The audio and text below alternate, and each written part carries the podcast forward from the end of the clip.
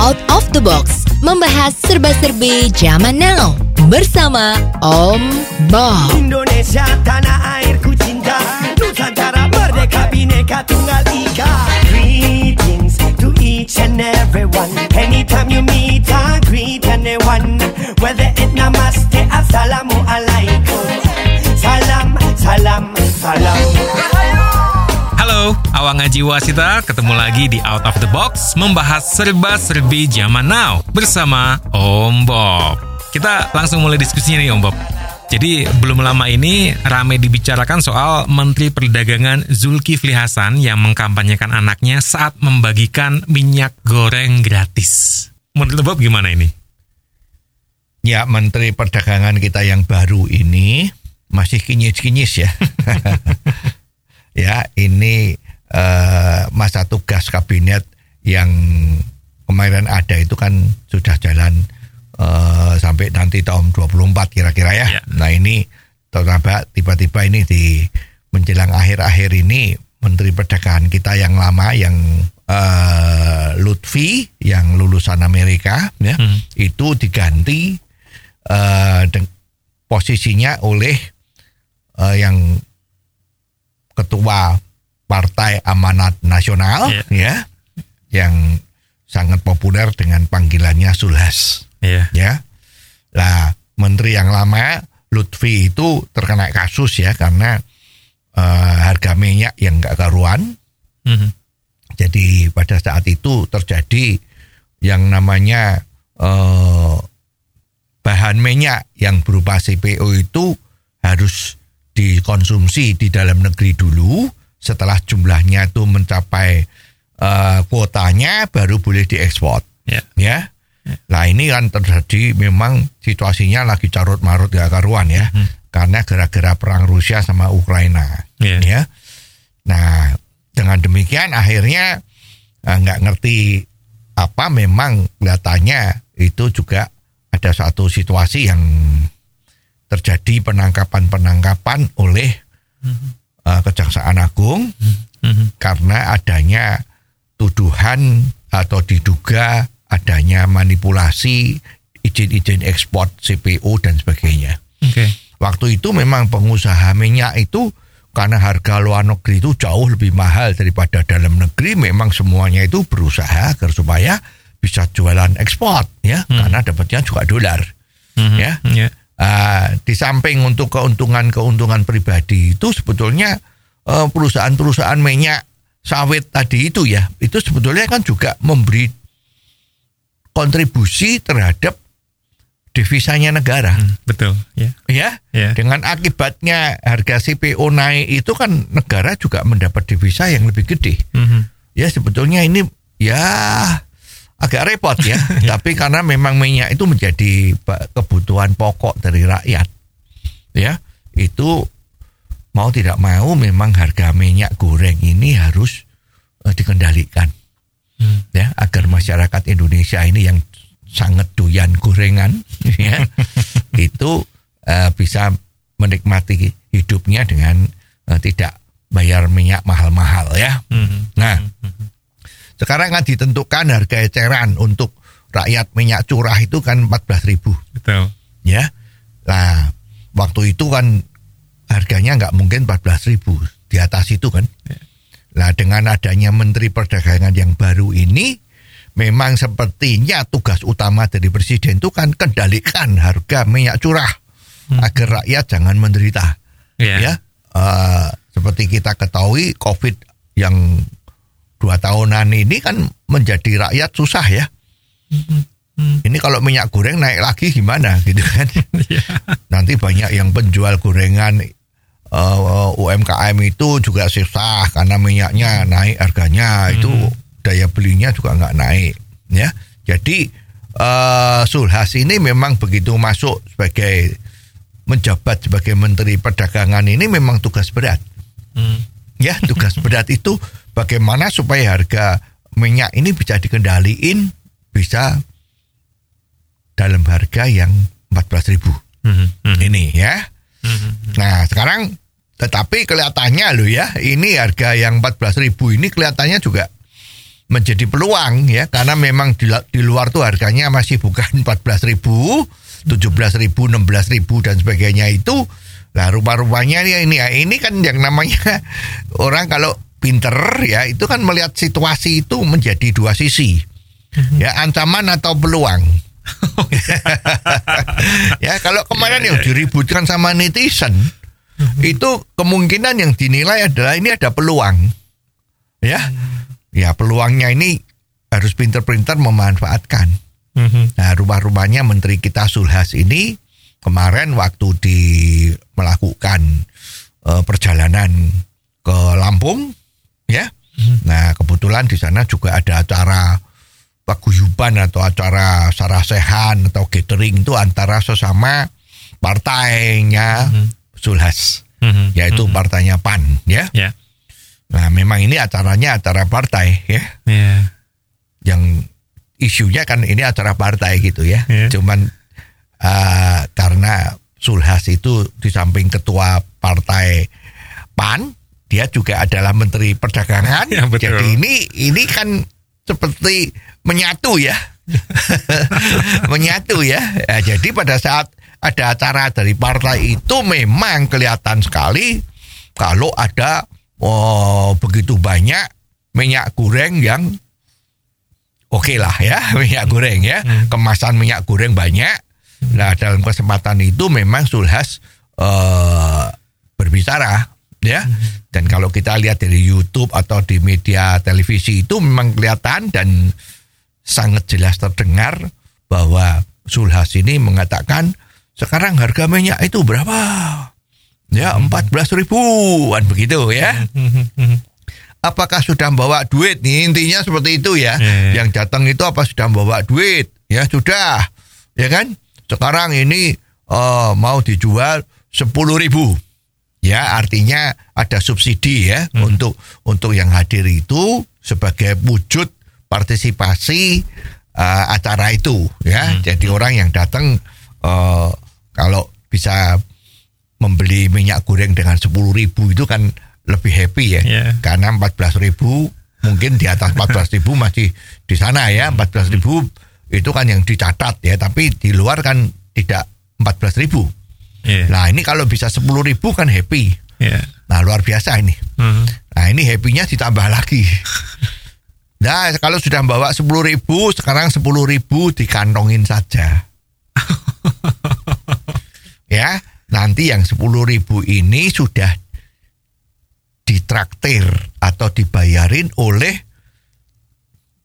putrinya beliau Oke. yang kebetulan juga eh, pengurus atau anggota dari Partai Amanat Nasional ya PAN tadi itu. Oke, oke, Nah, oke. di mana eh, bapaknya Sulhas itu menjadi ketuanya ya ketua umum ya. Ya eh, di sana pidato dari Sulhas itu mengatakan ini semua sudah dibayar oleh sang putri. Oke. ya seperti diketahui sang putri ini juga sedang mencalonkan diri sebagai anggota DPRD Lampung Ya. ya. Nah, ini entah sengaja atau entah uh, slip of the tongue ya. Itu sempat dikatakan bahwa kalau nanti sang putri ini bisa terpilih jadi anggota DPR Lampung ya, maka acara-acara yang seperti ini akan sering terjadi. Oke. ya, artinya acara seperti ini tuh har- dapat harga minyak atau pemberian gratis karena tadi mau dijual sepuluh ribu Mhm. terus nggak jadi sepuluh ribunya suruh ngantongin Jadi katanya gratis. udah dibayari Ya. sama sang putri Ya. ya Nah, jadi kalau besok eh, ini sudah bi- bisa terpilih jadi anggota DPR Lampung ini acara ini sering akan terjadi Mhm. ya tepuk tangan ya, ya semua happy kan Mhm. Nah itu, lah ini yang dijadikan eh pertanyaan atau yang jadi geger oleh netizen. Loh, ini kok, oh sepertinya kok kampanye ya, kampanye untuk putri sang putri tadi itu agar bisa dipilih jadi anggota DPR, Mhm. ya DPR di DPR yang di Lampung lah paling sedikit seperti itu ya. Nah ini kan Ya, semua jadi bingung ya. Ini tuh ada apa ini sebetulnya? Tapi apakah ini benar Om Bob bisa masuk atau bisa dibilang sebagai kampanye ya? Ya, sebetulnya kampanye atau tidak itu kan abu-abu ya. Hmm. Tergantung dari sudutnya. Ya. Oke. oke. ya kan? Satu, ini dilakukan di depan partai. Iya. Ya, ini kan pertemuan intern. Iya. Nah, kalau pertemuan intern ya wajar. Oke. Ya, besok kalau kamu mau milih siapa ya harus milih dari orang partainya kan. Betul, betul. Itu wajar. Ya, tapi ini kan eh istilahnya kan sekarang kan medsos kan. Iya. Ini dia ngomongnya di dalam situasi yang internal partai tapi juga beredar di mana-mana. Hmm. Ya ini kan jadi repot ini. Jadi sekarang ini namanya juga internal, tetapi kok beredar di luar. Nah kalau orang mempunyai pandangan yang seperti itu, karena ini tersebar di luar ya berarti ini adalah kampanye yang ditujukan untuk umum. Ya karena tersebar kok. Kan mungkin bu- bukan anggota partai PAN yang denger, yang lihat Mhm. ya juga tergiur ini wah ini kalau sang putrinya jadi anggota DPRD atau DPR ini acara yang seperti ini kan bisa. Mhm. ya membahagiakan. Jadi kalau dunia luar itu harga naik kemungkinan kalau sang putri itu menjadi anggota DPR bisa digratisin terus. Iya. nah ini kan juga artinya kesejahteraan rakyatnya bagus. Nah, kan bisa diartikan begitu. Nah, dengan adanya demikian kan banyak netizen mungkin juga dari eh, partai yang lain kan keberatan. Ini kok belum apa-apa kok. Ini kan kampanye atau pemilihan itu kan nanti tahun 2024 ya. Iya. Nah, Ini baru dua-dua pertengahan ini kok sudah teriak-teriak kampanye. Nah, ini kan jadi repot ya. Kalau mau niru-niru kampanye gimana? Kalau enggak gimana? Ini serba sulit ya. Nah, kalau ini dibilang kampanye terselubung Om Bob, oke lah. Tapi baiknya gimana ya? Iya ini kan ada yang ngomong ini kampanye terselubung. Heeh, heeh. Terus ada yang ngomong ini bukan kampanye Iya. karena hanya dibicarakan di internal partai, Iya. ya tidak melanggar aturan. Betul. Nah sekarang ini kan berarti eh, masalah kampanye eh, terselubung, mendahului kampanye macam-macam ini kan menjadi bahan-bahan gorengan yang bikin eh, susah, ya. Mestinya yang paling bagus ya itu yang namanya kampanye itu nggak usah dibatasin kok. Begitu pemilu selesai, itu mau kampanye untuk pemilu yang akan datang lima tahun yang akan datang itu boleh. Oke. Iya dah, harusnya begitu. Jadi supaya orang-orang yang mempersiapkan diri untuk menjadi tokoh-tokoh di dalam legislatif atau eksekutif, dia boleh jauh-jauh hari itu sudah kampanye. Ya, kalau sekarang kita lihat itu memang menjelang satu bulan atau dua bulan sebelum pilkada atau pilpres itu dimulai, kelihatannya kampanyenya kan ramai sekali. Iya. Di mana-mana pawai, di mana-mana berkibar-kibar bendera partai, misalnya begitu ya. Pidato sana, pidato sini, Iya. kunjungan sini, kunjungan sana. Itu memang puncaknya di sana. Sebetulnya kalau mau menduduki posisi sebagai legislatif yang bisa terpilih, itu ya memang kampanyenya itu sejak sejak dia dewasa ya. ya, sejak dia menjadi anggota partai karena sekarang kalau mau jadi anggota DPR itu kan harus melalui partai. Iya. Yaitu kuda tunggangannya itu kan partai. Mhm. Ya, dia misalnya sudah kepingin jadi anggota legislatif ya dia misalnya udah hatinya sesuai dengan partai mana katakanlah partai eh, A misalnya begitu kan Mhm. Oke. Nah sekarang setiap saat dia itu di mana-mana, baik di dalam lingkungan swasta, baik dalam lingkungan pendidikan, baik dalam lingkungan perburuan, baik dalam lingkungan pertanian ya Hmm. semua bidang yang dia bisa masuk berkenalan dia harus berkelakuan baik Hmm. ya nunjukin kalau orang ini adalah eh, bagus ya well educated Hmm. toleransinya tinggi ya Eh, cara bicaranya runtun ya Eh, terus dia juga jiwanya sosial ya tidak mementingkan diri sendiri. Itu selalu dilakukan. Hmm. begitu dia jadi anggota partai tadi itu. Dan tunjukin kalau dia saya ini anggota partai apa. Nah, jadi kampanye yang baik itu bukan menjelang pemilu menjelang dua bulan satu bulan kampanyenya tiap hari. Dan susahnya juga kan sekarang kalau mau kampanye lewat televisi atau lewat radio ya itu kan juga dibatasin Iya. ya betul. Oh, kalau Iya. pidato di televisi mungkin hanya boleh berapa kali dan itu kan dibatasin terus ya Hmm. nah karena mungkin banyak sekali orang yang mau kampanye ya kalau pasang iklan di eh, radio juga dibatasin ya hanya boleh berapa kali misalnya begitu nah oleh sebab itu kalau yang namanya kampanye nggak ada batasan ya itu sudah nggak ada lagi yang namanya kampanye terselubung atau tidak silahkan saja ya orang yang kepengen berkarir di politik kepengen menjadi anggota legislatif kan mempunyai haknya dia juga kan Iya. Iya. jadi haknya dia itu boleh diperjuangkan sejak dia mau jadi nggak boleh hanya dia hanya boleh kampanye tiga bulan dua bulan sebelum pilkada atau pemilu itu sebetulnya mungkin ini termasuk hak asasi ya.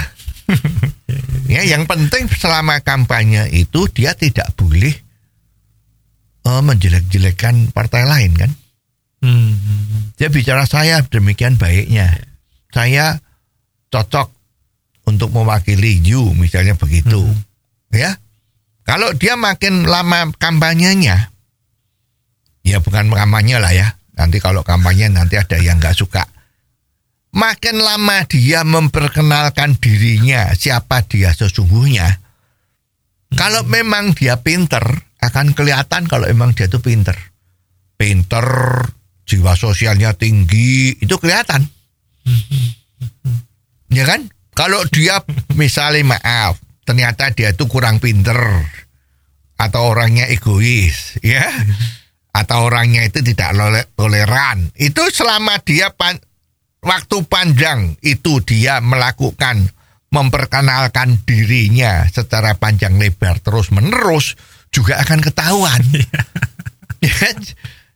Jadi kalau masa kampanye itu dibuka, jadi tidak akan lagi ada istilah kampanye terselubung melanggar hukum, bisa didiskualifikasi atau bisa masuk penjara karena kampanye terselubung mendahului orang yang lain itu udah tidak ada itu lagi.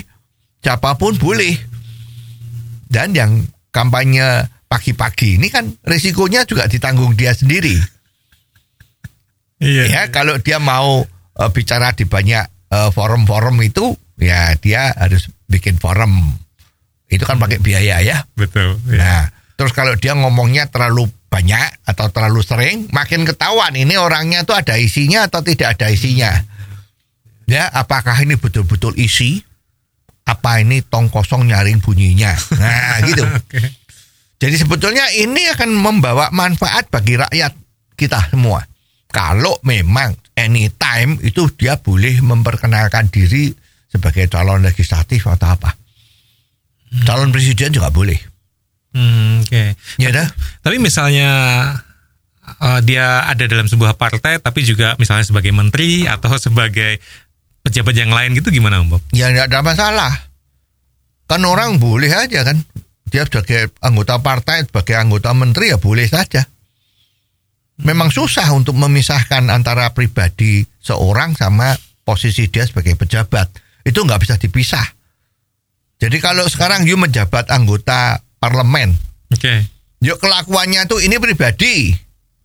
Ya. Terus terus jadi sesuatu hal yang gelap-gelap gitu ya.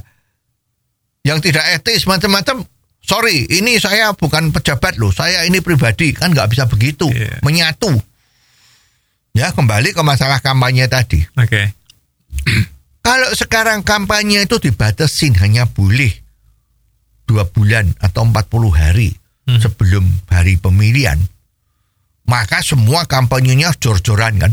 Iya, betul. Jor-joran itu bisa mengaburkan rakyat.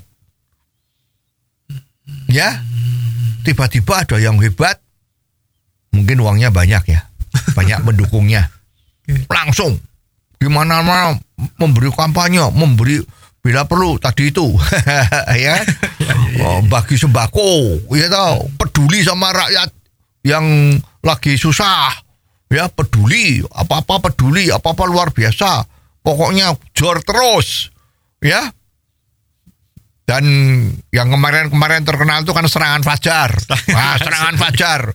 Kalau serangan fajar yang lain misalnya lembarannya biru, ini lembarannya lima lembar lembaran merah, misalnya begitu, oke. ya. Jor-joran seperti itu mengaburkan rakyat.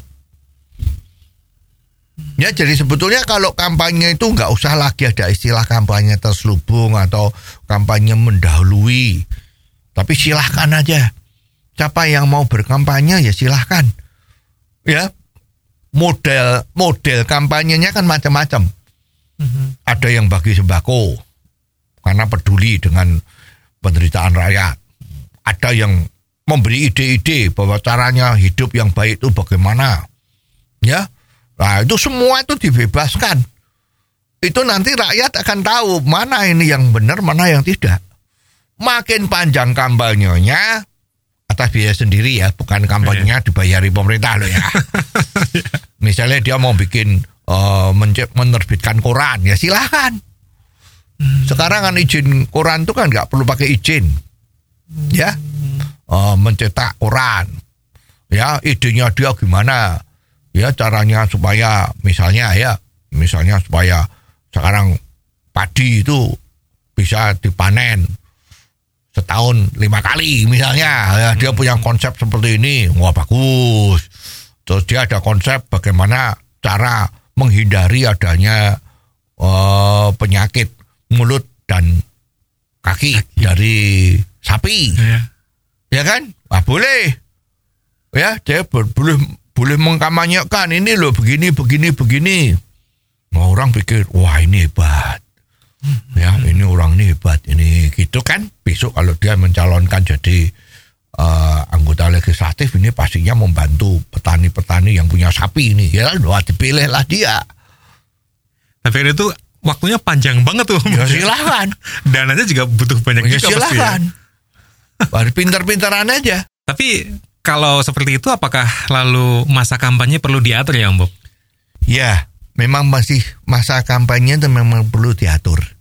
Ya, tapi yang diartikan masa kampanye diatur ini adalah kalau melakukan kampanye itu dengan metode-metode yang selama ini kita kenal, yaitu konvoi, Oke. ya baris berbaris, pidato dengan mengumpulkan massa di alun-alun misalnya, Oke. itu memang perlu diatur. Karena masa kalau waktunya bersamaan kan jadi repot. Partai A sama partai B kampanyenya bareng di satu lapangan yang sama. Itu gimana? Itu biasanya bisa panas. Antara partai A dan partai B simpatisannya itu juga bisa panas kan. Iya. Panas itu artinya bisa emosi. Betul ya. Contohnya sepak bola aja itu. Ya kalau Liga Indonesia jalan itu pasti ribut ya. ya tak eh, supporter-supporternya antara kesebelasan itu juga bisa berkelahi. Ya, apalagi kalau wasitnya oh, kontroversial gitu ya, mengambil putusan yang oh, sepertinya pihak sebelah macam-macam itu kan gitu. Jadi kampanye juga begitu kalau berbareng di lapangan yang sama, semua pakai suara speaker yang 10 ribu watt, wah itu semua kan jadi geger. Ya toh? Wah ngeri kan kalau seperti ini ya, ya nggak boleh. Yang itu yang harus diatur.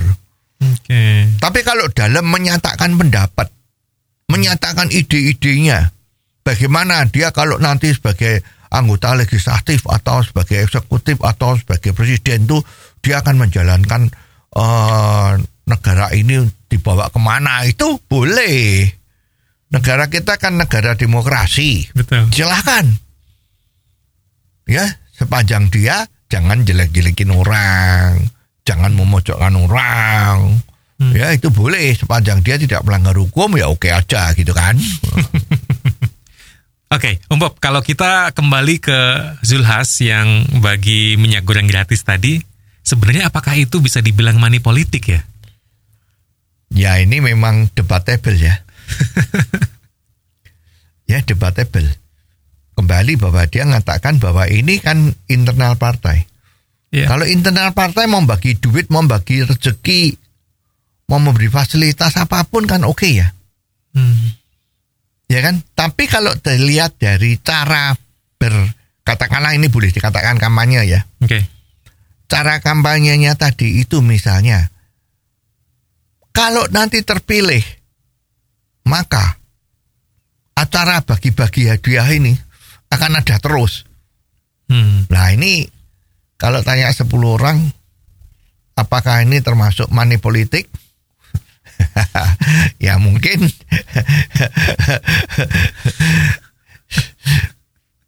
banyak yang ngomong ini money politik gitu ya.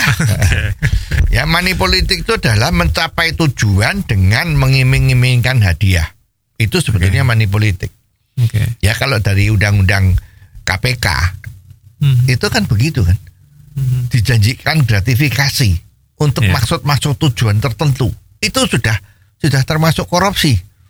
Hmm. Kalau KPK udah udah ditangkap ini, ya, gitu kan. ya seperti proses perizinan. Pak itu dibantu ini izinnya kalau turun saya akan ada apa? Hmm, Itu menjanjikan. Ini sudah money politik. Ya jadi memang ini money politik tuh betul-betul bisa diterapkan. Ini kalau katanya nggak boleh pakai money politik. Hmm. Tapi selama ini belum pernah dengar ada tindakan yang nyata dari Komisi Pemilihan Umum ya.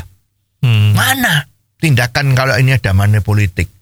Sehingga apa yang dikatakan isu ya, karena kalau disuruh cari bukti ya kita kita nggak bisa cari bukti ya. Yang bisa cari bukti kan kepolisian aparat gitu kan. Itu yang suaranya keras sekali isunya serangan fajar. Hmm. Itu kan jelas-jelas itu kalau memang itu ada loh ya. Itu jelas-jelas itu kan money politik. Ya, kunjungan-kunjungan ke para pemilih ya. Ini tolong ini kamu milih saya ini kasih amplop, kasih amplop. Ya buktinya rasanya nggak ada ya. Kalau disuruh buktikan ya nggak bisa lah ya. Itu money politik. Tapi nggak pernah terdengar ini ada tindakan. Nggak cuman itu. Kalau saya dipilih nanti setiap provinsi misalnya loh ya ada anggaran pembangunan sekian ratus juta lah itu sebenarnya juga boleh dikatakan ini money politik menjanjikan kan? Hmm. apalagi kalau misalnya pilkada daerah ya. Oke. kalau dipilih RW RT tiap tahun dapat anggaran berapa gitu. Ini money politik. Hmm. kan harusnya nggak boleh ini. Cuman masalahnya KPU itu berani nggak menindak seperti ini ya kalau memang ini dilakukan dengan hebat betul-betul KPU-nya independen ya dan itu betul-betul didukung ya harus kuat betul gitu ya nanti tema-tema kampanyenya di Indonesia ini akan jadi lebih bagus. Jadi betul-betul temanya adalah pembangunan. Bagaimana supaya negara atau kota tersebut, kabupaten tersebut lebih sejahtera kalau dia yang jadi pimpinan. Ya bukan sekedar ya, tadi itu. Kalau saya jadi pemimpin nanti nah, begini, begini, begini. Ya oh, RT tiap tahun dapat sekian, RW dapat sekian. Oh, itu. Ini ini money politik nggak boleh. Nah, kalau melihat money politik yang susah dibuktikan tadi Om Bob, terus kalau nanganin kayak gitu, baiknya gimana ya? Ya gini. Sementara ini kelihatannya yang namanya money politik itu kan seperti textbook thinking. Betul-betul memberi duit kepada orang. Betul. Nah itu kalau memang itu yang diartikan sebagai money politik, itu adalah serangan fajar tadi itu atau berkunjung itu terus bagi-bagi duit.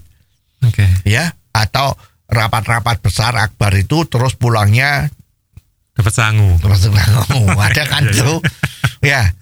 Nah, ini makanya ini harus betul-betul betul-betul diawasi dan diberikan rambu-rambu atau wewenang yang kuat bagi KPU setempat yang independen itu untuk mengambil putusan tidak pakai lama.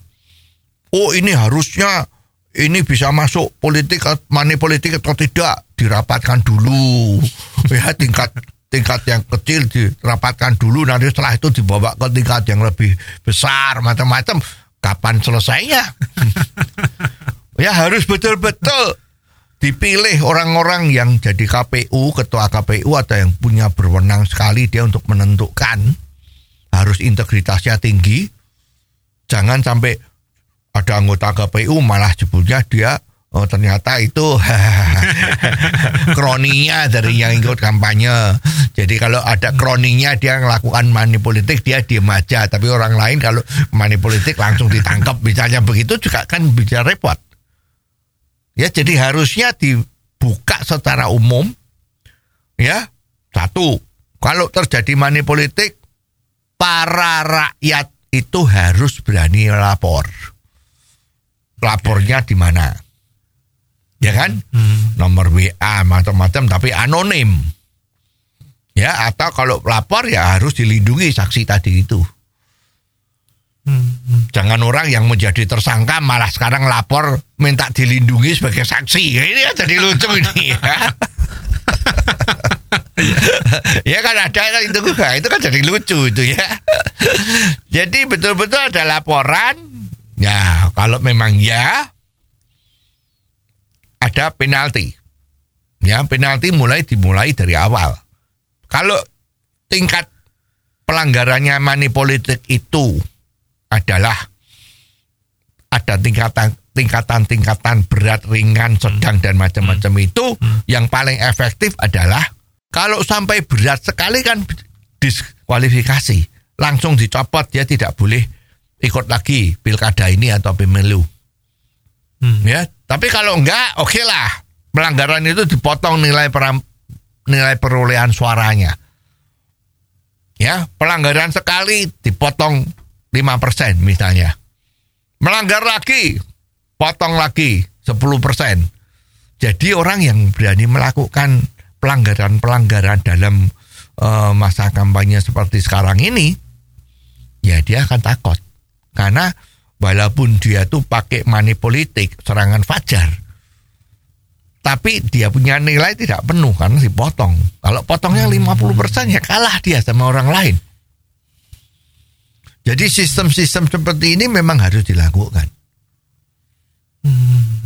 Sedikit melihat tadi Om Bob kalau bisa efektif ketika ada yang melaporkan. Tapi kok rasanya masyarakat masih takut loh untuk melaporkan kejadian-kejadian yang melanggar dan lain-lain gitu. Ya itulah makanya kan tidak bisa eh, secara sporadis ya. Memang ini harus betul-betul mulai sekarang harus betul-betul negara itu memberi jaminan bahwa kalau ada laporan, ada saksi itu harus dilindungi. Itu betul-betul harus dilaksanakan. Dilindungi betul-betul. Nah, kalau memang ini kepercayaannya bisa pulih, rakyat itu menjadi bisa mempercayai kalau laporannya dia itu dirahasiakan dan nasibnya dia itu dilindungi, tidak membahayakan jiwanya maupun keluarganya, nah itu akan jalan. Mudah kok, sebetulnya begitu kelihatan ya langsung gitu kan. Kelihatan. Kalau serangan pacar kan udah jelas itu. Hah? Tim suksesnya keliling-keliling bawa wah itu kan. habis habis eh, pertemuan-pertemuan masa kampanye misalnya yang kampanye yang resmi di lapangan itu terus kasih bagi-bagi uang transport. Ya dah, nah itu juga udah langsung itu adalah money politik. Itu yang yang saya kira harus dilakukan. Oke, Om Bob kita kembali lagi ke Zulkifli Hasan yang sebagai menteri dan yang sebagai ketua umum partai. Sebenarnya jabatan jadi menteri, jadi ketua umum partai, rasanya apa nggak ada konflik of interest ya di sini ya? Iya, ini memang ini repotnya di situ ya. Sebetulnya paling bagus itu memang kalau sudah menjadi menteri itu dadanya itu adalah merah putih udahan Hmm. untuk negara Indonesia tanah air, Hmm. bukan untuk partainya. Hmm. Ya harusnya seperti itu kalau sebagai menteri ya. Hmm. Karena menteri itu kan pegang peranan untuk menentukan putusan yang ngambil putusan-putusan untuk kepentingan masyarakat luas rakyat Indonesia.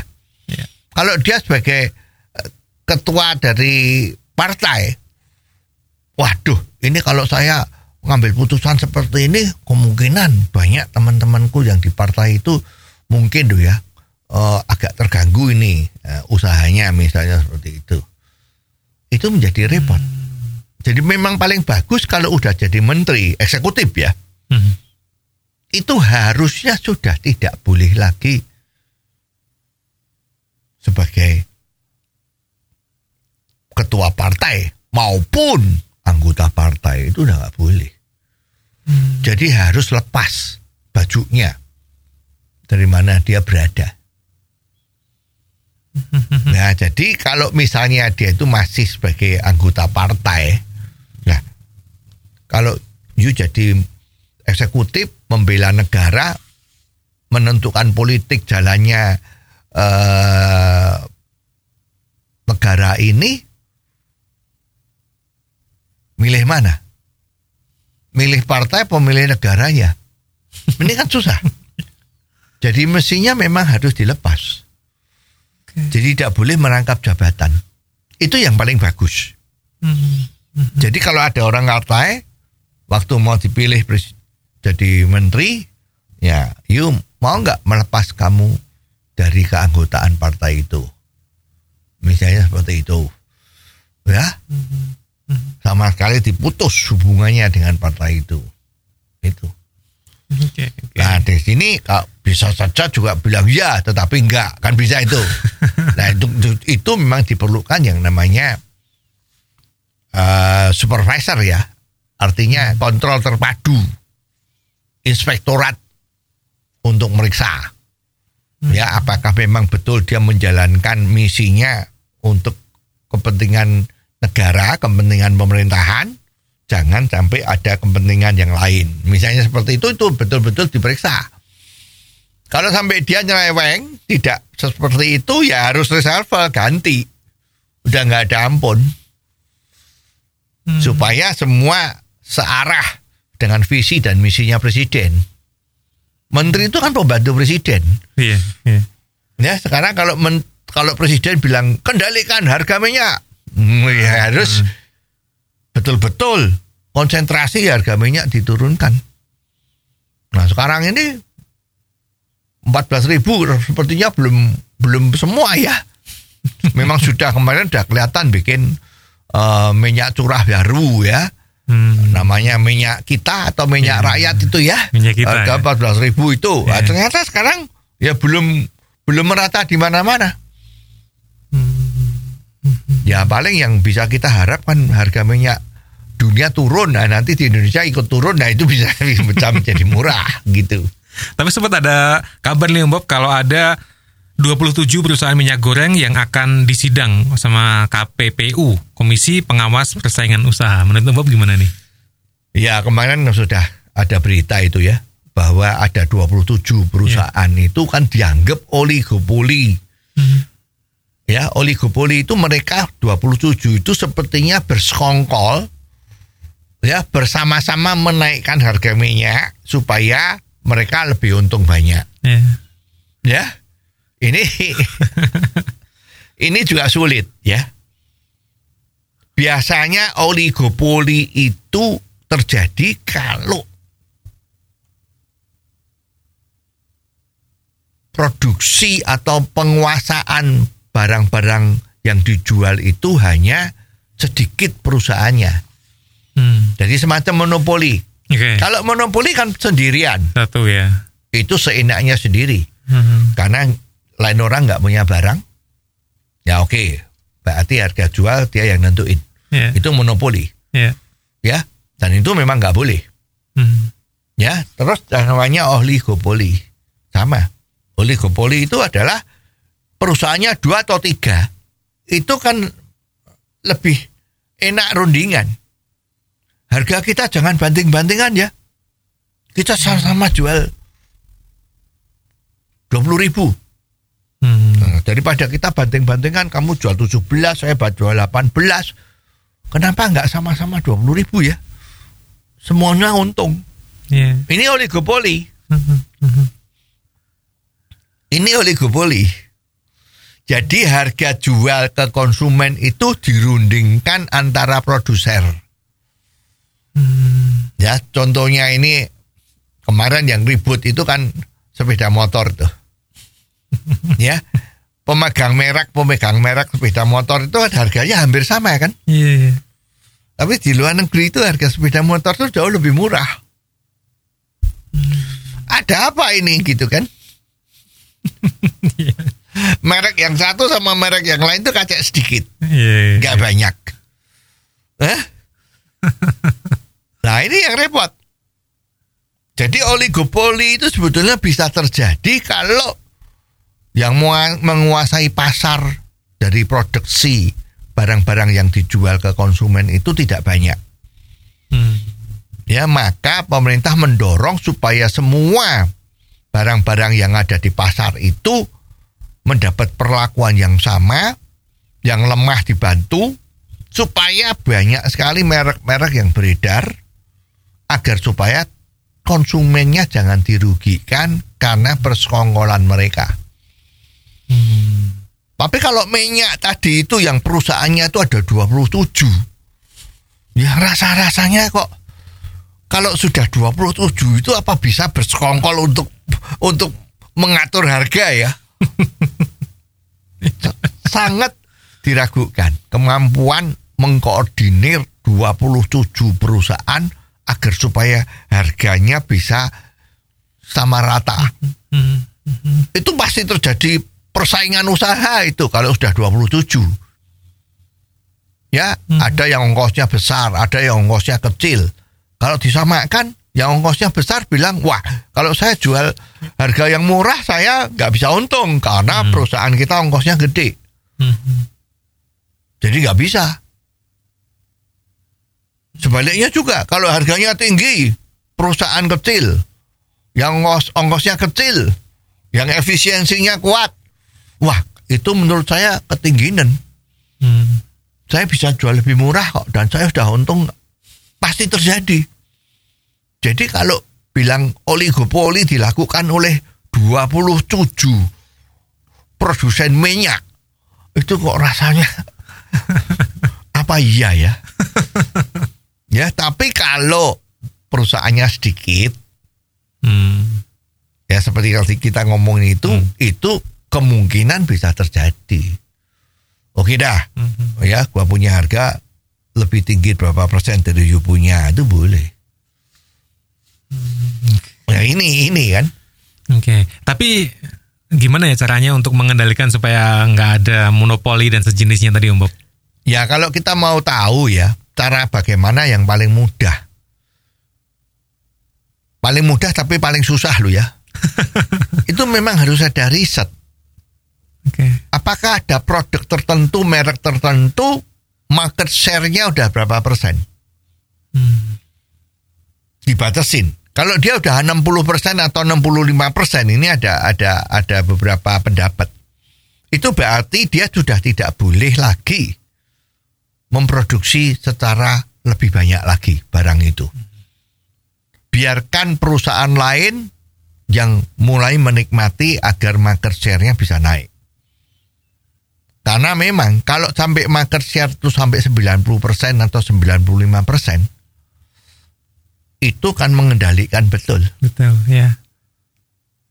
Ya, tapi orang kalau yang hebat perusahaan itu bisa meningkatkan market share-nya dia dengan wajar secara alami bukan kong kali kong seperti itu ya patut di appreciate memang ini barangnya bagus harganya murah murah ya tapi kalau sudah sampai 65% ya memang ini perlu ada pengendalian.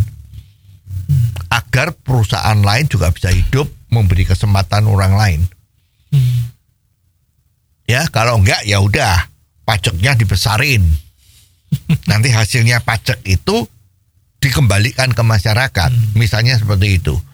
Paling bagus ya market share-nya dibatasin cuman taunya market share-nya gimana ini yang harus pemerintah harus bisa ngambil eh inisiatif risetnya harus dilakukan dengan betul jangan ABS ya jadi harus diselidiki dengan betul market share-nya berapa macam-macam baru ada dilakukan pembatasan-pembatasan.